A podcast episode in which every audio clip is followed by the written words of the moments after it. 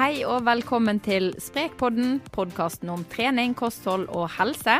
Jeg heter Silje Dyregrov, og ved siden av meg sitter Halvor Ekeland. Hei. Yes. Og da kan vi bare først begynne med å minne lytterne på at eh, vil du høre på oss i tiden som kommer, så last oss ned på iTunes eller søk oss opp på Soundcloud. Så kan du følge oss gratis rett inn på telefonen din. Og Halvor, det er jo eh, sykkel-VM, og da må vi nesten snakke om sykling. Ja, det er klart vi må snakke om uh, sykling. Sykling er en uh, fantastisk bra treningsform. Ja. Uh, og en ja, Jeg vil ikke si at jeg har sykla veldig mye sjøl, men jeg brukte litt grann som en sånn opptrening til, etter en kneoperasjon. Men ja, for vi har litt sånn samme utgangspunkt der. Begge litt sånn dårlige knær og bør egentlig sykle mye mer enn vi gjør. Ja, hvorfor det, gjør ikke vi det? Nei, hvorfor gjør vi ikke det? Det er et veldig godt spørsmål. Jeg, jeg burde sikkert sykla mer. Jeg var veldig flink til det en periode i forbindelse med det der dårlige kneet mitt, og så har det bare sklidd litt ut, egentlig. Ja, ja. I dagens podkast så håper vi å hjelpe både mosjonisten som bare vil komme i gang med sykling, og sykkelentusiasten som sykler fast mange ganger i uken og kanskje ønsker å forbedre sin tid. Og vi har med oss Mats Kagestad, tidligere proffsyklist og sykkelekspert i TV 2. Du er med oss på Skype rett og slett fordi at du, du har det hektisk for tiden med sykkel-VM? Ja, det er sykkel-VM, og så har jeg jo, jeg har jo to jobber. Jeg er også med der i et firma som jobber med næringslivet nettopp for å motivere folk til å mosjonere og ta vare på helsa si. Altså, vi rett og slett gjør mosjon til en verdi i bedriften, og så følger vi det opp som en, en målsetting. Og det er jo kjempegøy, så jeg følger opp 2500 mennesker på dette med mosjon. Så jeg kjenner litt til ulike problemstillinger når det gjelder dette her. Og folk som ikke er motivert til å mosjonere, og folk som sykler litt, og så skulle gjerne sykla mer osv., så videre, sånn som dere snakker om. Hva er den vanligste utfordringa? Den vanligste utfordringa er at folk tar en lang pause, og så kommer de aldri i gang igjen. eh, når, du, når, du, sier at det er lenge siden du har syklet, så er jo for så vidt ikke det noe Det, det syns ikke jeg er så ille så lenge du gjør noe annet. Så lenge du, så lenge du holder i deg en viss form gjennom regelmessig mosjon, så er det jo masse man kan gjøre. Men sykling er en fin måte å spe på med for at det skal bli litt mer variasjon. Da er jo sykling en veldig skånsom øvelse, så det er veldig bra, særlig når man blir litt eldre eller man får vonde knær eller vonde hofter, eller hva det måtte være, så er det jo veldig fint å, å, å sykle. For det, så lenge du holder deg på hjula, så er det jo veldig liten belastning på, på kroppen gjennom slag og, og sånne ting. Mm. Men hvis du vil komme i god form, da, funker sykling like bra som løping og andre mm, veldig harde mosjonsidretter? Ja, jeg har veldig troa på variasjonen. og sånn som når min far trente Ingrid Kristiansen og Grete Waitz, her, så sykla de jo mye for å få mengden. Altså at man tar gjerne de kortere, intense øktene på løping eller spinning eller hva det måtte være. Og så kan de dagene man har litt bedre tid og det solen skinner ute og, og man kanskje kan dra på tur med sin kjære eller, eller, venner eller hva det måtte være, så kan man heller sykle litt lenger. Da får man jo et helt annet uh, treningsgrunnlag, og så får man også ut en del tretthetsstoffer av muskulaturen og sånne ting når man sykler på, på lette gir. Det er en veldig sånn fin måte, det er en veldig sånn kontrollert form for aktivitet. da. Hvor, du, hvor fordi Folk trener ofte på litt for høy intensitet, men sykling er en fin måte å holde intensiteten nede på. Mm. Men, men, der er du vel inne på noe av det som også er problemet til sykling, for å kalle det det. da, At det gjerne er litt tidkrevende, er det ikke det? Jo, sykling er litt tidkrevende. Så hvis du skal på en måte gjøre det hardt og intenst, da, så, så, må man jo eventuelt kjøre det litt i intervallform eller bruke girene og rett og slett tråkke på. Det er jo eh, Altså hvis du tar i hardt på sykkel, så kan jo det være like så effektivt som mye annet. Men folk sier gjerne at de klarer ikke å ta i så hardt på sykling. Eh, og det er jo rett og slett Nei, men det tenker jeg jo litt. Altså, klarer man det hvis man f.eks. liker å trene ute? Klarer man å ta i hardt ute på sykkel? Ja, altså det, det, kommer helt an på hva slags hva du er vant til. Jeg, klarer, jeg får pulsen høyere opp på en sykkel enn når jeg løper, f.eks. Men det er fordi at jeg har en, veldig, jeg har en utvikla sykkelmuskulatur og har erfaring med å sykle. Mens folk som ikke har så mye erfaring med å sykle, de, de møter gjerne melkesyra litt tidligere da, når de bruker sykkelen. Men det er klart at du kan, hvis du finner et område hvor du ikke må stoppe i, i lyskryss og sånne ting, så er det jo sykle opp og ned lange bakker og sånne ting. Finne en runde hvor det er mye tøffe bakker. Så kan du sykle hardt i bakkene og rolig mellom bakkene f.eks. Det er fin, fin intervallform. Mm, for da gjør du det Da bruker du jo bare Bruker du omgivelsene rundt deg til å skape de intervallene, som eh, jo er veldig god treningsform. Ja, det er lekbetont form for uh, ja, trening. Og så er det også fint å få denne variasjonen. Og så kan du bruke girene på sykkelen. ikke sant? Du sykler tunge gir på høy intensitet opp bakken, og så kan du sykle lette gir. For vasker ut disse tretthetsstoffene mellom, mellom bakkene. Flott form for trening. Mm. Jeg har registrert at uh, veldig mange bruker jo store summer på uh, sykkel, uh, sykkelutstyr. altså, hva tenker du om det? Hva trenger man egentlig for å sykle? Jeg husker vi, Da jeg var på julelandslaget, så syklet vi et ritt som het Lille fredsrittet. Og så kom det russiske landslaget. De så ut som de kom fra 70-tallet. Det var sånn, så ut som de kom tilbake fra, fra fortiden. Eh, men de syklet jo fletta oss, da. Eh, de hadde utstyr fra 70-tallet, men eh, de syklet fra oss allikevel der vi var med vårt topp moderne utstyr. Så utstyr, du, trenger, du, trenger, en sykkel med hjul og, og kjede. Eh, du trenger ikke noe særlig mer. altså det er jo alltids greit at sykkelen fungerer og ikke lager altfor mye lyder, at du har bremser og sånne ting. Men altså, eh, om sykkelen er 20 eh, år gammel, så gjør ikke det noe så lenge den fungerer. Så lenge girene fungerer og så lenge dekkene er intakt og hjulene triller rundt, så er det jo utrolig hva man kan gjøre med en sykkel. Det er altfor mye jåleri rundt dette her, men det er vel også litt fordi at folk har for mye penger, så de må jo bruke det til noe. Eh, men det er ikke noe, det er ikke noe must. Selv så er jeg ikke noe opptatt av utstyr selv. Jeg, sykkelen min blir jo bare eldre og eldre. Det, var, det, er en veldig fin sykkel. Den var kjempefin det året jeg, jeg fikk den eller kjøpte den. Eh, men den blir jo bare eldre og eldre. Jeg har liksom ikke, jeg har ikke sånn behov for å kjøpe meg ny sykkel hele tiden. For det trenger du rett og slett ikke, så lenge du passer på at sykkelen fungerer. For, eh, altså, det er jo sånn at Du kan få sykler som er, koster en 7000-8000, en landeveissykkel som, som, er helt ålreit. Og så koster det jo de proffene sykler på, koster jo flere hundre tusen. Hva, hva hva trenger egentlig en vanlig mosjonist hvis han skal kjøpe seg en ny sykkel? Er det bare å kjøpe mer eller mindre det billigste man finner i butikken? Du må se du, hva som på en måte er uh, bruksområdet ditt. Uh, dette her å, å ha en altså hvis, du, hvis, du, skal sykle en, en gang iblant, bruke sykkelen til og fra jobb, kanskje kombinere sykle eh, til og fra jobb og kanskje noen helgeturer innimellom, så, så er det jo fint å ha en litt sånn solid sykkel som du kan kombinere med grus og asfalt, mm. som det er som det, er, eh, som det er skjermer på, som er praktisk, som ikke er superlett, som har gode, solide dekk.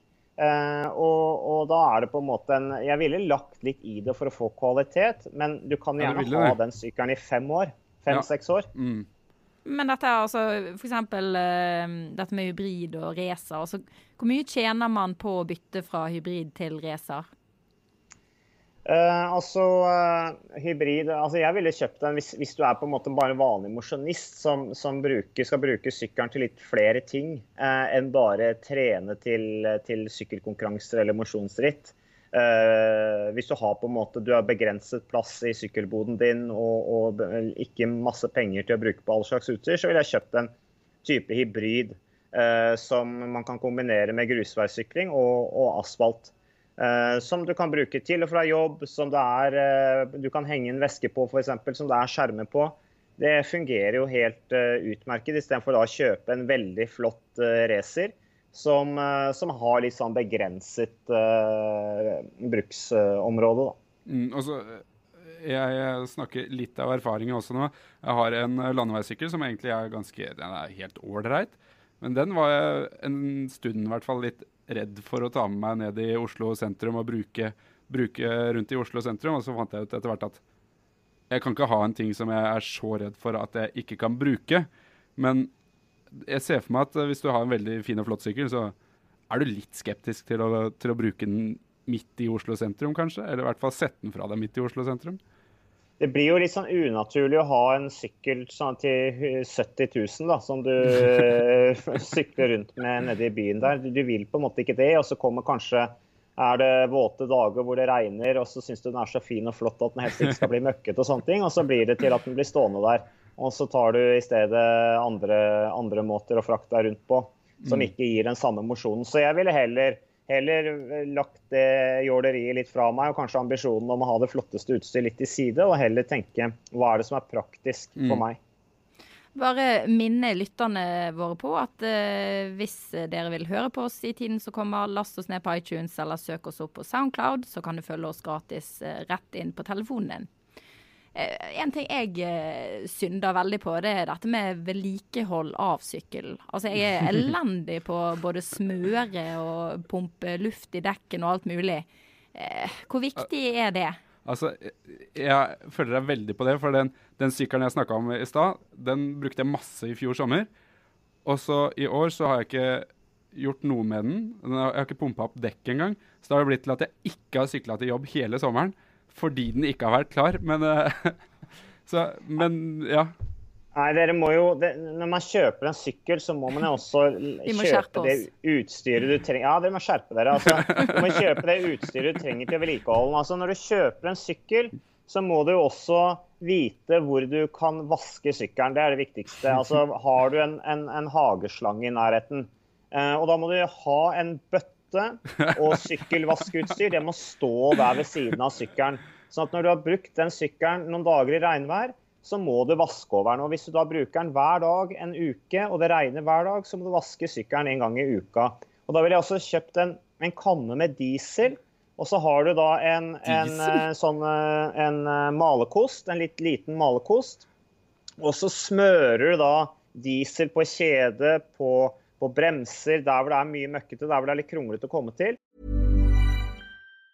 Normally being a little extra can be a bit much, but when it comes to healthcare, it pays to be extra. And United Healthcare makes it easy with Health Protector Guard fixed indemnity insurance plans. Underwritten by Golden Rule Insurance Company, they supplement your primary plan, helping you manage out of pocket costs without the usual requirements and restrictions like deductibles and enrollment periods. So when it comes to covering your medical bills, you can feel good about being a little extra. Visit uh1.com to find the Health Protector Guard plan for you. When you're ready to pop the question, the last thing you want to do is second guess the ring at Bluenile.com, you can design a one of a kind ring with the ease and convenience of shopping online. Choose your diamond and setting. When you find the one, you'll get it delivered right to your door. Go to Bluenile.com and use promo code LISTEN to get $50 off your purchase of $500 or more. That's code LISTEN at Bluenile.com for $50 off your purchase. Bluenile.com code LISTEN. Ryan Reynolds here from Mint Mobile. With the price of just about everything going up during inflation, we thought we'd bring our prices down. So to help us, we brought in a reverse auctioneer, which is apparently a thing. Mint Mobile unlimited premium wireless. Have to get 30, 30, bit to get 30, bit to get 20, 20, 20, bit to get 20, 20, bit to get 15, 15, 15, 15 just 15 bucks a month. So, Give it a try at mintmobile.com/switch. slash $45 up front for 3 months plus taxes and fees. Promo rate for new customers for limited time. Unlimited more than 40 gigabytes per month slows. Full terms at mintmobile.com.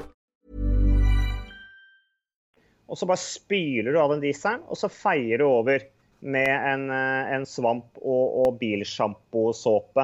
Da er sykkelen flunkende ren, eh, og den blir jo mye mindre utsatt for slitasje når man vasker den og holder den litt rein en gang iblant. Hva Eh, skjer? Altså, det er hva er risikoen da? Hæ, hva sa du? Nei, hva er risikoen hvis du ikke er så flink på dette som kanskje noen er? Nei, Da blir sykkelen ødelagt. Ferdig med Ja. det. Altså, den, du, du får ikke noe lyst til å bruke den i det hele tatt. Eh, og det er jo bare bruk og kast.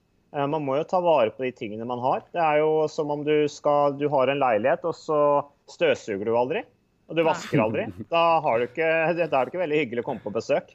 Eh, sånn at nei, man må behandle sykkelen som man behandler alt annet. En gang iblant så må man vaske den og vedlikeholde den. Og smøre over med litt olje. Og da er det da, da holder den mye lenger. Ja. Nei, jeg tar selvkritikk der. Ja, det er bare å Ja, det syns jeg dere må gjøre. Altså. Ærlig talt, dere kan ikke la dere stoppe av at dere ikke vasker sykkelen. Nei, altså, jeg har latt meg stoppe av at jeg ikke har pumpa opp dek dekka. Ja, det er forferdelig. Det høres helt ille ut.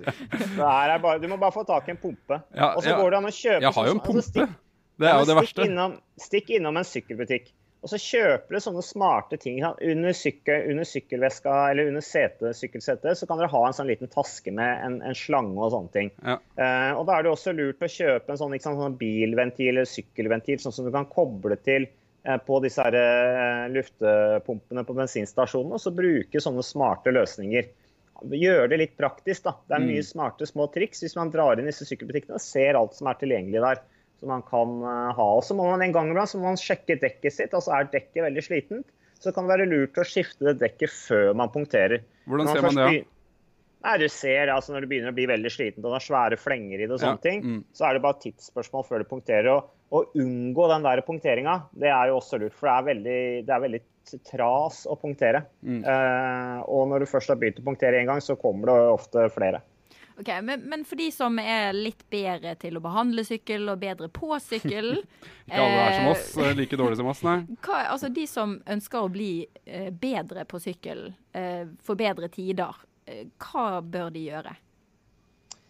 Hvis, du, det, hvis, hvis målet ditt er å bli sprekere på sykkel, eh, og la oss si at du har en skade som gjør at du ikke kan løpe, og sykkel er det du foretrekker å gjøre, så må man eh, sette inn i dagboka si, skrive ned hva man Først og fremst må du stille spørsmålet hva som er målet. eh, og så må du se hva du har av muligheter til å få trent, og så må du sette ned de, de dagene i uka du har mulighet til å få trent, de tidspunktene du skal trene, så må du sette ned de, de tidspunktene. Da har du en avtale med deg selv at da skal du trene på sykkel, enten det er en halvtime eller to timer eller hva det måtte være. Og så prøve å ha variasjon. Et par-tre dager med litt varierende intensitet, opp og ned i intensitet. Eh, intervallprinsippet. Ikke maks, men opp mot 90% av maks. Og så har man resten kan være rolig i trening. Eh, og på sykkel så kan man også bruke sånne prinsipper sånn som styrketråkk og sånne ting. F.eks. når du sykler til og fra jobb. Du kan sykle rolig til jobb på lette gir, og så kan du sykle hjem igjen og legge inn noen bakker hvor du sykler på tunge gir for å, på, for å trene på å mobilisere muskulaturen i beina. For sykkel er veldig mye teknikk. Veldig mange trår bare rett ned, og så får de på en måte ikke med seg foten og setemuskulaturen, og de tenker ikke hvordan de holder overkroppen. Det er veldig mange måter å bli bedre på å sykle som faktisk øver litt på teknikken også. Hvordan eh, konkret er det du tenker at man skal det, Hvilke ting med teknikken er det man bør gjøre bedre sånn overordna? Hva sliter man mest med? Mange bruker overkroppen altfor mye når de sykler. De, du ser at de vingler hit og dit med overkroppen. side, liksom? Ja, Ja. Veldig sånn jabbing. Det, Ja. Hvis du ser på proffsyklistene når de sykler, de beste proffsyklene når de sykler opp på fjellene eller temporitt eh, Når man kommer VM i Bergen, da kan man jo se hvordan de sykler. Så ser de sitter helt stille med overkroppen eh, fordi at de er så sterke i ryggen og magen. Eh, og tråkket begynner på en måte i ryggen og magen, i, i, i stabilitetsmuskulaturen der.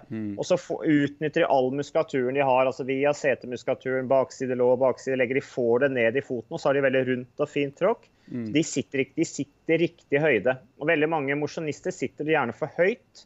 Eh, fordi at de tror at det de har lært i, i, på skolen at lang kraftarm gir styrke. Og så skal de da sitte høyt, men det er helt misforstått. Det er helt feil. Eh, Da blir de sittende, og så blir det bare nedtråkk, og så får de vondt i rumpa, og så får de vondt i ryggen, og så sier de nei, jeg har slutta å sykle for jeg får så vondt i ryggen og vondt i rumpa. Og så sitter de altfor for høyt. Og det er jo sånne ting. Det er lurt å, å, å dra ut og sykle og kjenne litt hvordan har du god følelse med pedalene når du sitter eh, og trår f.eks. med foten. Fotarbeidet er kjempeviktig også i sykling. Man snakker mye om fotarbeid i løping, men det er like viktig i, i sykling at du har god kontakt med pedalene med foten og føre pedalene rundt med et rundt tråkk. Ja. Apropos løping. altså Vi hadde en podkast her for litt siden med Ingrid Kristiansen. Hun sa det at uh, skal du bli bedre å løpe, så må du løpe mer. Er det det samme med sykling? Altså For å bli god å sykle, så må du sykle mer? Ja, Inger Kristiansen kommer fra samme skolen som meg. Det var jo min far som trente henne. Uh, og det er jo liksom sånn, skal du det var jo akkurat som Olaf Tufte, treneren til Olaf Tufte, sa også, Tore Øvrebrø, som nå er Olympiatoppsjef. Han sa Han ble spurt ja, må du, du må jo ro veldig mye, skal du bli god til å ro? Fordi det var en trener da, som stussa over hvor mye Olaf Tufte trente. Og da sa jo Tore Øvrebø at ja, skal du bli god til å ro, så må du like å ro. Og sånn er det jo med sykling òg. Altså, jo mer du sykler, jo bedre er det. Men samtidig så må du ta, ta vare på totalbelastningen. Altså Er du proffsyklist, så klart du har mye tid til å trene. Da jeg, da jeg sykla, var proff i 2006, jeg var jo proff i, i seks sesonger, i 2006 sykla jeg 33 400 km. Det er altså omtrent ni mil hver eneste dag. Men det er klart når du er oppe i den belastningen der, så, så må du jo ta vare på deg sjøl òg. Da er det jo kosthold, hvile, og det, det er jobben din.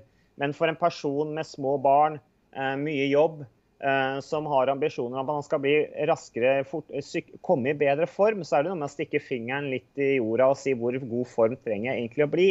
Altså Jeg skal bruke sykkelen som et redskap til å ha en viss form, sånn at jeg har god helse og overskudd i hverdagen. Og Da er det jo ikke så mye som skal til. Men det der å etablere gode vaner, det der å, å på en måte få en vane du kan holde resten av livet, det har jeg veldig trua på. Eh, og Da er jo sykkel en fin måte å supplere alt det andre du gjør med. En dag ror du, en dag sykler du, en dag løper du. Eh, og når man først er ute og sykler, så er det én, utstyret må være i orden, det gir glede. Og to, dette er å tenke litt på hvordan man sitter på sykkelen. At man har et rundt tråkk, at man har riktig eh, sittestilling, er jo også viktig å bruke litt tid på det før man hiver seg på sykkelen. Det, det som er fint med sykling, er at det er jo, som vi har nevnt også, det er så skånsomt. Og det er jo egentlig det er jo et fantastisk også fremkom, fremkomstmiddel å bruke det som øh, bruke det f.eks. til og fra jobb. Jeg bor jo øh, nedoverbakke hjemmefra. Nei, jeg bor øh, jobber øh, med en nedoverbakke hjemmefra, så jeg bare trille ned til jobb, og så kan jeg trene hjem. Det hadde jo vært en øh, fantastisk løsning hvis jeg bare hadde fått pumpa opp det dekket, da. Men øh, øhm, Muligheten er der. Muligheten er der. Men uh, jeg er jo en ivrig Tour de France-seer og har fulgt med på det i mange år. og Der snakker jo eh, faren din og, og påske og mye om sånn wattmålere. At eh, de beste syklistene følger med ned på wattmåleren sin og vet hvor de skal ligge i wattbelastning og, og sånne ting. Er det nødvendig for eh, Altså, jeg skjønner at det ikke er nødvendig for meg, men er det, når er det nødvendig å ha et eh, bevisst forhold til hva man kan trå av watt? Er det først på proffnivå, eller? Ja, altså Du har jo gode proffsyklister som f.eks. Philip Gilbert, som ikke bruker pulsmålet, ikke bruker wattmålet, ingenting. Han det. Han sykler på følelsen. Mm. Men så har du andre igjen som er ekstremt opptatt av detaljer. Eh, sånn som la oss si Chris Room, da, eller Mm. den Sky-skolen. Eh, hvor de er ekstremt opptatt av alle tall. De veldig, de rapporterer alle treningsøktene sine gjennom denne wattmåleren, som gir et veldig sånn klart svar på hvordan belastningen har vært. Eh, Men det, men det er klart hvor, det, det kommer an på hvor ambisiøs du er, hvor lidenskapelig interessert du er. Er du, er du en eh, sånn teknofrik som elsker duppeditter, og du har penger og ønsker å investere mer i helsa di gjennom treningsutstyr, så er det klart det er kjempegøy med wattmålere. å åpne opp en ny verden for hvordan man kan kontrollere treninga.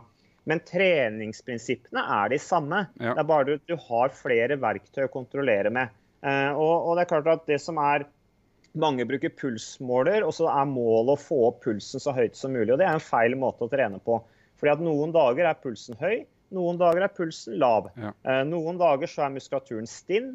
Da er det tungt å komme opp i puls i forhold til andre dager hvor du har overskudd. Eh, Sånn at eh, Wattmåleren er veldig bra. Jeg trente selv med wattmåler jeg- de siste to årene jeg var proff. og da, da, da ligger du på den watten uavhengig av hva pulsen er. Og Pulsen kan variere i forhold til om du har drukket en, noen kopper kaffe for mye. Mm. den kan variere i forhold til at du har sovet for dårlig. Den kan variere i forhold til at du har en veldig tøff belastning i ryggen, så pulsen, muskulaturen er sliten. Sånne ting. Men watten er konstant. Mm. sånn at eh, det er en veldig fin måte å kontrollere treninga på, men det er absolutt for de som på en måte er på et veldig høyt Nerdene. nivå. Da. Ja. Ja, litt nær. Enten er du nerd, eller så er du proff, da. Ja. Nerd eller proff? Ja, nerd eller er proff. Da kan du kjøpe wattmåler. Jeg... Og eh, jeg syns ikke barn og unge Nei. Altså, tre, tre, trenere som trener ungdommer og sånne ting. Blir helt feil fokus hvis da barna kommer og sier ja, men jeg kan ikke trene for jeg har ikke wattmåler. Eh, Ja. Altså, Wattmåler burde vært forbudt fram til du ble senior. OK, men eh, vi nærmer, nærmer oss slutten her. Eh, Har du noen sånn siste råd til eh, folket? Ja, hold, Ta vare på dere sjøl gjennom regelmessig mosjon. Skaff dere en sykkel, for det er bra transport. Og det er et fint supplement til treninga. For vi har alltid en av gang vi tråkker over, vi får vondt i kneet, vi har et eller annet problem. Og da kan man bruke sykkelen. Det er kjempefint. Så ta fram sykkelen og la dere inspirere. Nå er det VM i Bergen. Se på dette her og la dere inspirere. Eh, kom dere ut og sykle. Det er en flott måte å være sammen på. Og så er det en flott måte å være ute i naturen på og samtidig holde seg i form. Ja. Veldig bra siste ord, altså. Veldig bra. Da er tiden vår over, og eh, vi får si takk til deg, Mats Kagestad. Og Takk, takk. til eh, deg, Halvor Ekeland. Takk til deg, Silje Takk, takk. Vi håper at du vil høre på oss eh, neste gang også. Da kan du laste oss ned på iTunes eller søke oss opp i Soundcloud. Og følge oss gratis rett inn på telefonen din. Og følg oss også gjerne på Facebook. På, eh, søk oss opp Sprek på Facebook. Send oss gjerne spørsmål der. Mm.